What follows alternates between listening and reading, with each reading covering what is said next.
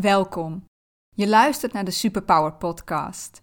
De podcast over helemaal jezelf leren kennen in alle kracht die er in jou zit. En ervoor kiezen om de persoon te zijn die jij wil zijn, zodat jij dat leven gaat leven wat jij wil leven. Dit is alweer aflevering 75. En het liefst had ik hierin met jou een veel vrolijker onderwerp behandeld. Maar helaas, heel erg vrolijk gaat deze aflevering niet zijn. Wel heel erg leerzaam. Ehm, het gaat hier om een hele persoonlijke ervaring. Iets wat mij nu bijna drie weken geleden is overkomen.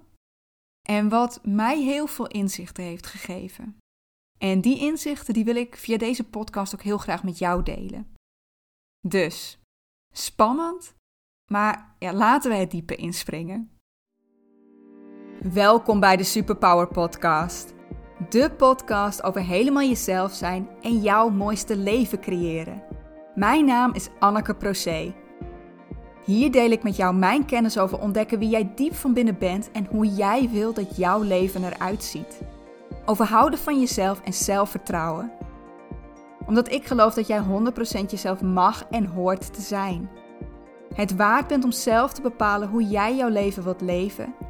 En dat je alles in je hebt om dat leven waar te maken. Dus, ben jij er klaar voor om helemaal jezelf te zijn en te kiezen voor dat leven dat jij wil leven? Luister dan vooral mee.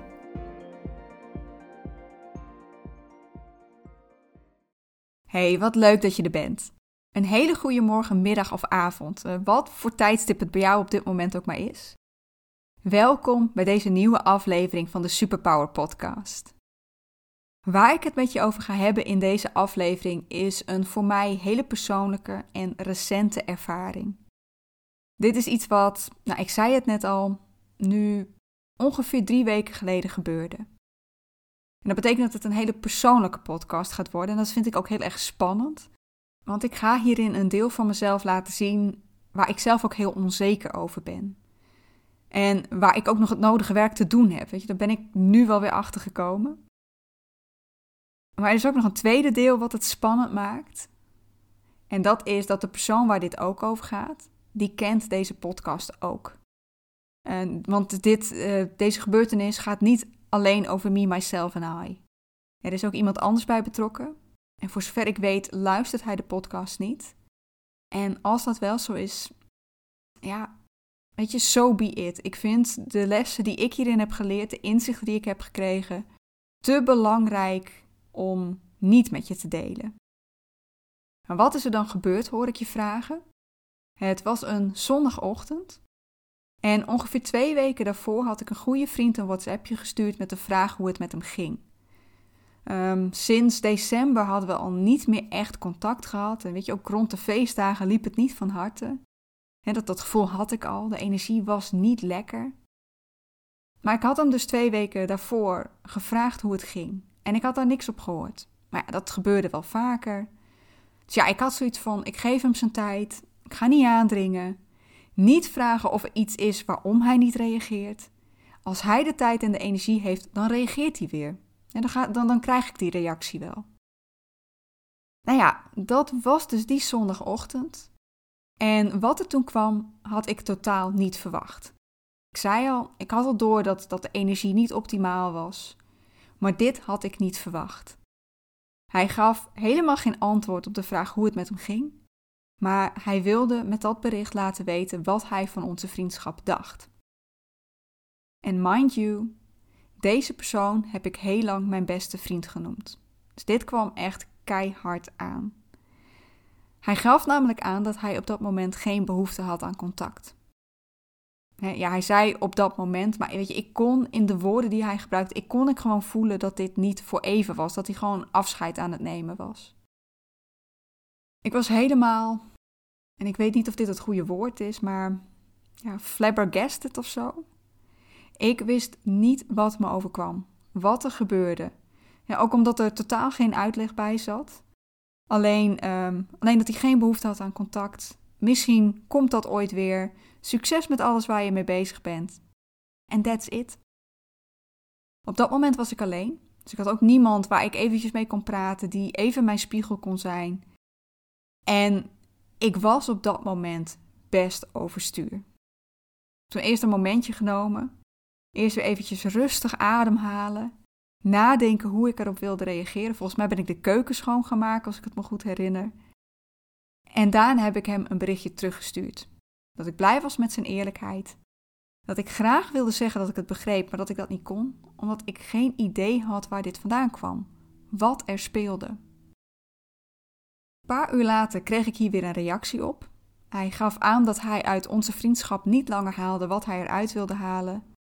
Dat ik voor zijn gevoel niet altijd de aandacht voor hem had in onze gesprekken. Uh, dat hij het gevoel had dat ik daardoor niet oprecht in hem geïnteresseerd was.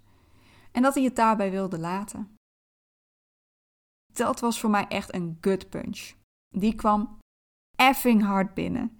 Want als er iets is waar ik bang voor ben als ik contact met iemand heb, is dat ik niet genoeg aandacht voor iemand heb. Uh, daarom hou ik me meestal stil.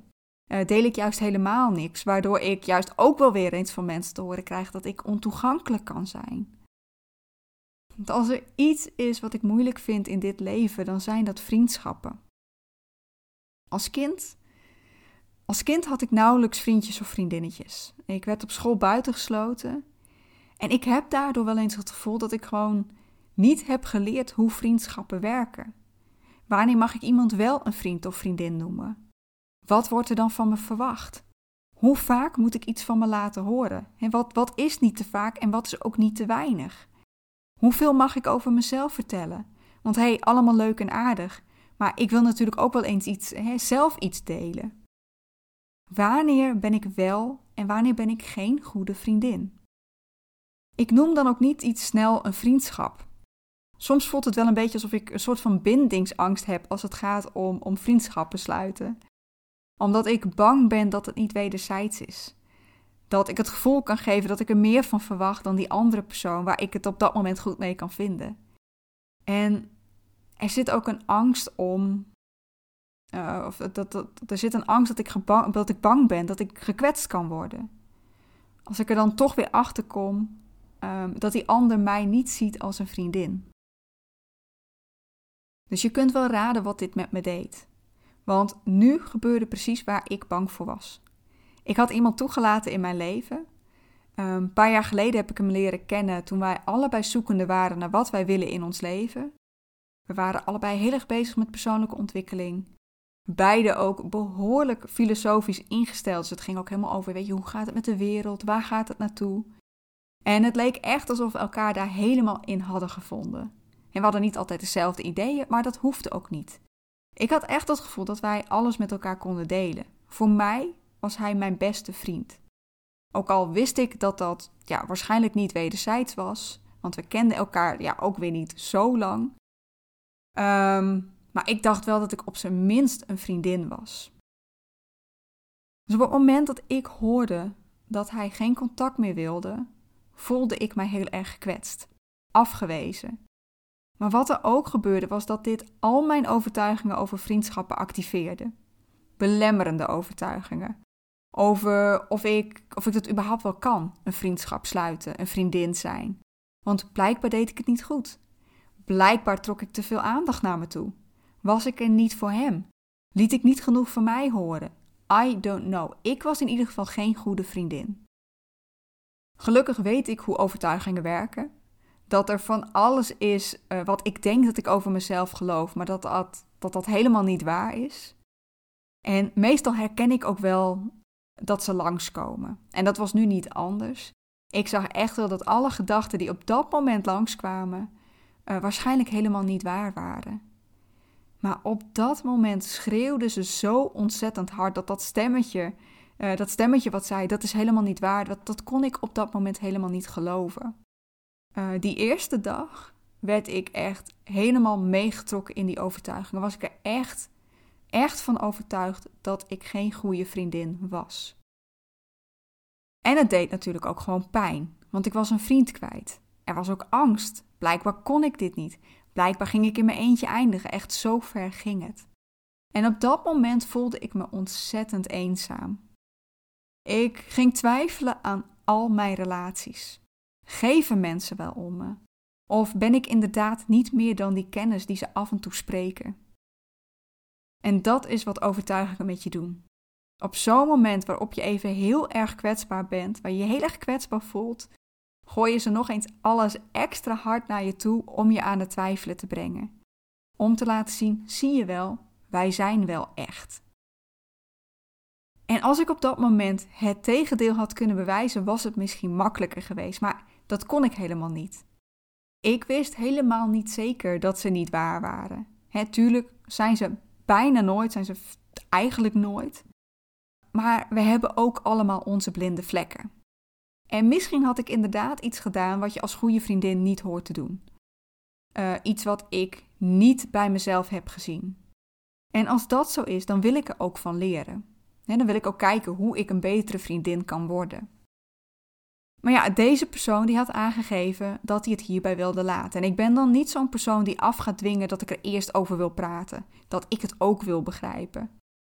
Uh, want hoewel het nu misschien vanaf zijn kant een beetje koud lijkt, dit is voor hem ook geen makkelijke beslissing geweest.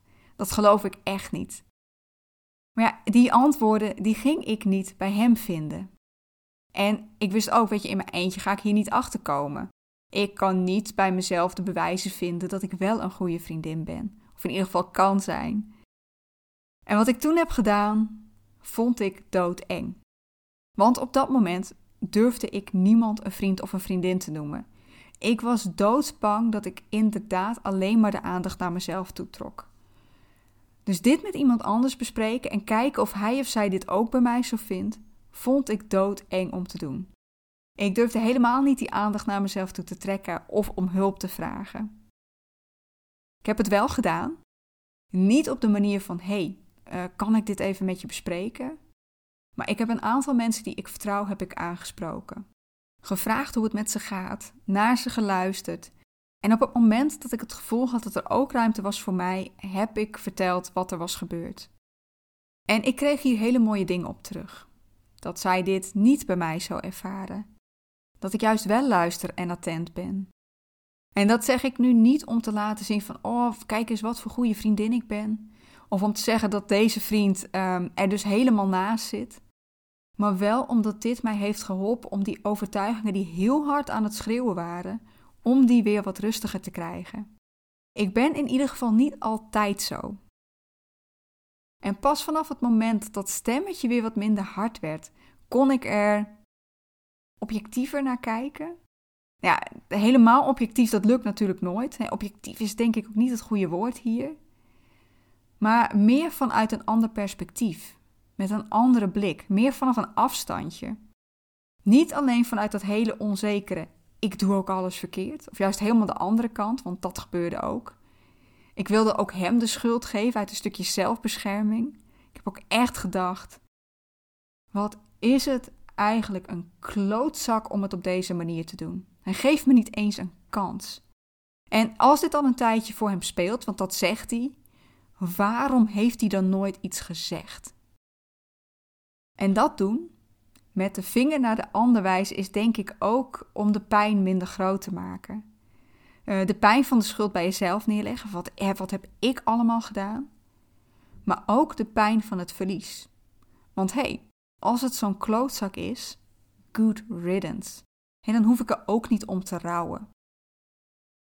Vanaf het moment dat die stemmetjes in mijn hoofd wat rustiger werden, werd mijn blik neutraler. Kijk, er is tussen ons iets niet goed gegaan. Maar dat ligt waarschijnlijk wel ergens tussen ik doe ook alles verkeerd en hij is een klootzak in. Mijn gevoel zegt dat er hier ja, een misverstand zit. En daarmee zeg ik niet dat ik in zijn ogen niks verkeerd kan hebben gedaan. Heb ik blijkbaar wel. En daar kan ik niks aan veranderen. En als ik nu glashard ga zitten ontkennen dat dat zo is, dat hij het hartstikke verkeerd heeft, dan ontken ik zijn gevoel, zijn ervaring. En weet je, dat mag ik niet doen. Wat is er dan wel gebeurd? Want daar heb ik ook over na zitten denken natuurlijk. En ja, alles wat ik daarin kan bedenken is een aanname. Hoe goed ik er ook vanaf een afstandje naar probeer te kijken, ik kan niet weten wat er in hem is omgegaan. Wat hij heeft gevoeld. Ik kan het echt ehm, ja, alleen vanuit mijn eigen ervaring begrijpen. Het eerste wat denk ik belangrijk is, is dat ik niet iemand ben die elke week van zich laat horen. Ik ben sowieso, ik ben introvert.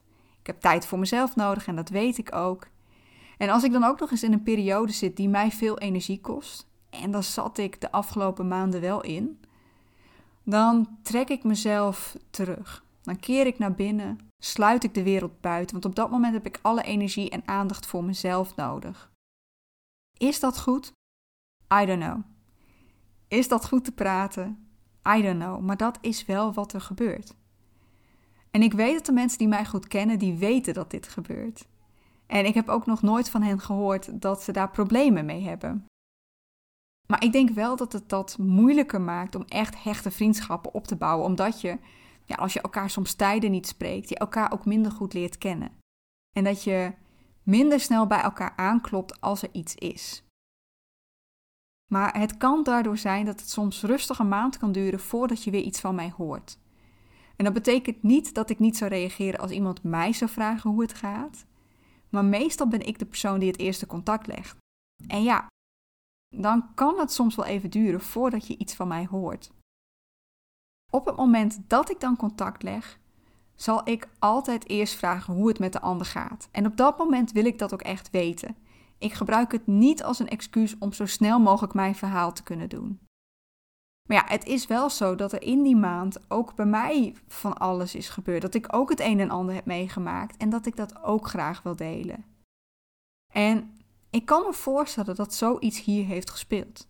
Dat ik het gevoel heb gegeven dat ik alleen contact opneem als er voor mij iets speelt. Wat ook kan zijn gebeurd, is dat ik mijn eigen verhalen heb gebruikt, mijn eigen ervaringen, uh, als voorbeeld bij iets waar we het op dat moment over hadden. Dat kan ook. Ik weet dat dit een fine line is, maar ik gebruik wel eens verhalen van mijzelf om, ja, hoe moet ik dit omschrijven? Um, om te laten zien dat de ander niet alleen is, dat, dat ik ook zoiets heb ervaren. Of om een voorbeeld te geven hoe ik ermee ben omgegaan.